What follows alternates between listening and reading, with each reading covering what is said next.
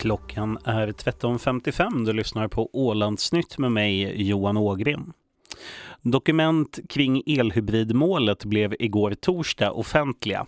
I handlingarna framgår det tydligt att ett skadestånd på 11 miljoner var troligt ifall man skulle häva avtalet. Detta gör att det tidigare lantrådet och nuvarande talmannen Veronica Törnros är i en svår situation enligt statsvetaren Siv Sandberg. Veronica Törnros position är svår och bollen ligger i första hand förstås hos henne själv, att hur värderar hon sin egen position i det här läget. Det är två olika kollektiv vi pratar om. Centern är ett parti och partier fattar beslut på egna premisser, men för lagtingets legitimitet är det förstås en, en fråga som både talmannen själv och lagtinget säkert behöver överväga i, i, i framtiden, att, att, det här, att i vilken mån sätter det här en skugga över åländsk politik i allmänhet. Och då är det ju en situation där, där kanske ansvariga brukar ta sitt ansvar. Jag hörde här tidigare i morse det här röster från Centerpartiet som tycker att det är ett kollektivt ansvar hos Centern att, att, det här, att man drev vidare den här frågan. Men det är jättesvårt för ett kollektiv att, att ta ansvaret. Är det då flera tusen väljare som har röstat på Centern som har ansvaret eller är det partistyrelsen eller är det lagtingsgruppen eller, eller ministergruppen. Så, så, det, här, så det, det, är svårt att fördela ett ansvar i politiken på, på något annat sätt än att enskilda individer tar det här ansvaret. Men, men den frågan kan säkert talmannen själv bara svara på.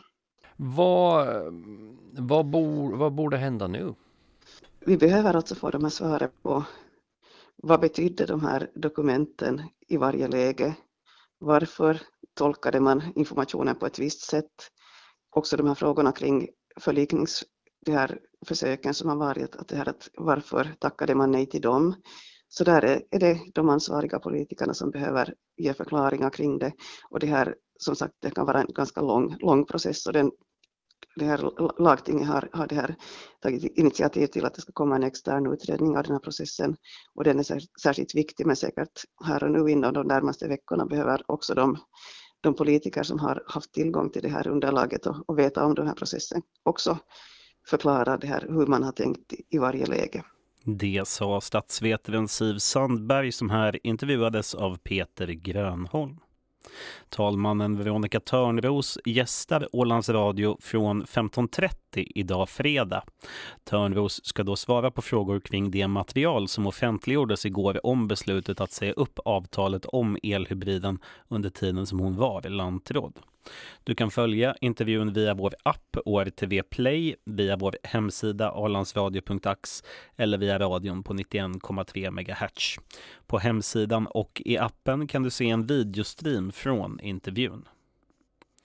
En isränna bryts nu från Färgsundet i Godby till Långnäs i Lumpaland. Det informerade sjöbevakningen kring lunchtid idag fredag.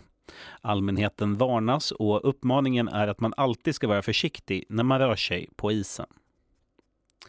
En man döms för misshandel av Ålands tingsrätt efter att ha slagit en annan man på en krog i Mariehamn.